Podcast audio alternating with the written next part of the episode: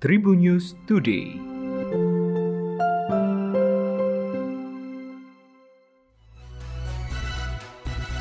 Halo Tribuners, berjumpa kembali dengan Hakim yang bakal berbagi informasi terkini untuk kamu. Informasi pertama datang dari kabar pembatalan jemaah haji Indonesia.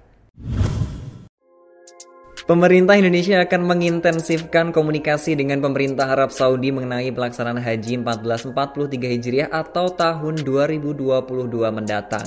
Hal itu diungkapkan oleh Menteri Agama Yakut Khalil Kaumas. Diketahui haji tahun ini dilaksanakan terbatas hanya untuk warga domestik yang berada di Arab Saudi lantaran masih berada di situasi pandemi COVID-19. Adapun Arab Saudi menetapkan 60.000 kuota haji untuk tahun ini.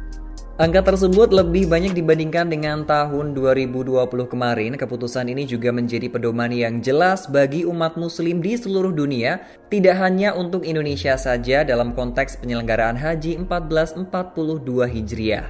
Menteri Yakut berharap agar masyarakat bisa patuh menjaga protokol kesehatan supaya COVID-19 segera tertangani dengan baik sehingga jika tahun depan haji bisa dilaksanakan maka segala sesuatunya sudah bisa dipersiapkan. Sebelumnya, ia telah menegaskan keputusan pembatalan pemberangkatan jemaah haji 2021 sudah melalui berbagai kajian yang mendalam Kemenak sudah melakukan pembahasan dengan Komisi 8 DPR RI pada 2 Juni 2021.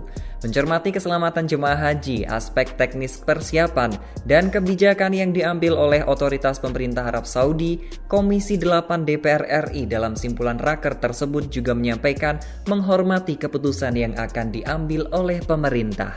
Kemenang juga telah melakukan serangkaian kajian bersama Kementerian Kesehatan, Kementerian Luar Negeri, Kementerian Perhubungan, dan lembaga terkait lainnya. Informasi kedua datang dari Provinsi Aceh. BR 31 tahun pria asal Aceh Tamiang dan waria berinisial MA 28 tahun asal Medan diamankan polisi saat petugas Satuan Polisi Papong Praja dan Waliatul Hisbah atau Satpol PP dan WH Kota Banda Aceh menggerebek sebuah salon di kawasan Simpang Surabaya menjelang pada Minggu 13 Juni 2021 dini hari. Keduanya ditemukan berada di kamar salon saat penggerebekan tersebut. Dari tubuh keduanya hanya melekat celana dalam dan pakaian seadanya. Tapi keduanya mengaku kepada petugas dan penyidik Satpol PP dan WH Kota Banda Aceh belum sempat melakukan liwat atau hubungan sesama jenis. PLT Kasatpol PP dan WH Kota Banda Aceh Heru Triwijanarko mengatakan penggerbekan tersebut dipimpin oleh Komandan Regu Iswandi bersama 9 anggota Satpol PP dan WH lainnya pada pukul 23 lewat 30 waktu Indonesia bagian Barat. Penggerbekan salon itu berawal dari kecurigaan petugas yang melaksanakan patroli di kawasan-kawasan yang diindikasikan tingkat pelanggaran syariat Islamnya tinggi. Pada saat melewati depan salon tersebut, petugas melihat para waria yang duduk di depan salon tersebut kasak kusuk dan merasa tidak nyaman melihat petugas. Kecurigaan itu akhirnya yang mendasari petugas untuk masuk dan memastikan ada apa dengan keadaan para waria yang membuat tidak tenang saat kedatangan petugas. Dari keterangan keduanya kepada petugas dan dilakukan pemeriksaan secara terpisah, pria BR dan waria MA mengaku belum sempat melakukan hubungan terlarang tersebut. Terhadap pelanggaran yang sudah dilakukan oleh salon tersebut, pemerintah kota Banda Aceh akan melakukan penyegelan dalam bulan ini. Begitu juga dengan salon di Jalan Umar, Banda Aceh yang sebelumnya juga ada ditangkap pasangan sejenis dari dalam salon, juga akan dilakukan penyegelan. Informasi selanjutnya terkait dengan prosesi lamaran pedangdut muda Lesti Kejora dan pesinetron Rizky Bilar.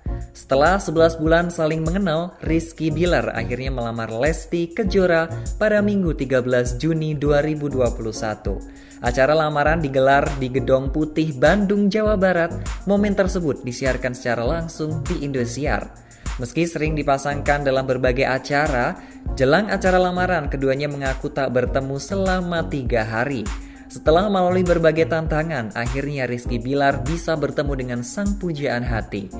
Dikutip dari tayangan YouTube Indosiar, kebahagiaan terpancar di wajah pria 25 tahun itu. Bilar tak bisa menyembunyikan kebahagiaannya kala dipertemukan dengan Lesti Kejora. Pemain film Asyap Man sempat menceritakan tentang niatnya untuk menikah muda. Namun ia belum bertemu dengan sosok yang bisa memikat hatinya hingga Bilar dipertemukan dengan seorang Lesti. Air mata tampak membasahi pipi Lesti kala Bilar mengucapkan lamaran kepadanya. Dengan nada bergetar, Lesti menerima lamaran tersebut. Lesti juga mengucapkan terima kasihnya karena Bilar telah memilihnya sebagai calon istri. Lesti juga meyakinkan sang ayah jika Bilar adalah sosok lelaki yang bisa membimbingnya menjadi lebih baik lagi. Menjawab pertanyaan sang putri, Endang Mulyana langsung memeluk Lesti sebagai tanda bahwa ia telah memberikan restunya kepada Bilar. Melihat momen haru antara Lesti dan sang ayah membuat Bilar meneteskan air matanya. Namun kesedihan itu berganti senyum bahagia kala Lesti menerima lamarannya. Informasi terakhir datang dari pagelaran PON Papua. Hugo Goseling, pelatih tim tinju PON DKI Jakarta, menyebut olahraga tinju punya keunikan tersendiri. Jelang PON Papua Oktober mendatang, DKI Jakarta akan membawa 10 petinju terbaiknya guna merebut medali emas PON di kelasnya masing-masing. Dari 10 petinju yang ada, 7 putra dan 3 putri diharapkan bisa meraih minimal 2 medali emas. PON Papua sendiri akan dihiasi oleh petinju-petinju dengan level yang berbeda-beda. Ada yang telah punya jam terbang tinggi bahkan punya caps pembela timnas di SEA Games, mantan peraih medali emas di PON lalu. Ada juga yang baru mencuat dari level provinsi hingga ditarik ke PON Papua tersebut. Sebut saja Cornelius Sulunga dari Bali yang pernah main di SEA Games atau Aldom Suguro, peraih medali emas di SEA Games 2017 dari DKI Jakarta dan masih banyak lagi dari provinsi yang lainnya. Namun raihan juara di masa lalu bukan jaminan untuk meraih medali emas di PON Papua nanti. Ikut sertanya petinju senior yang telah punya sederet prestasi justru menjadi pemicu semangat bagi lawannya yang belum punya nama. Menurutnya, kebanggaan bagi seorang petinju jika bertemu lawan yang secara jam terbang jauh lebih baik. Demikian tadi 4 informasi terkini untuk kamu. Jangan lupa untuk terus mendengarkan Tribunnews Podcast hanya di Spotify. Saya Hakim pamit, sampai jumpa. Tribunnews Today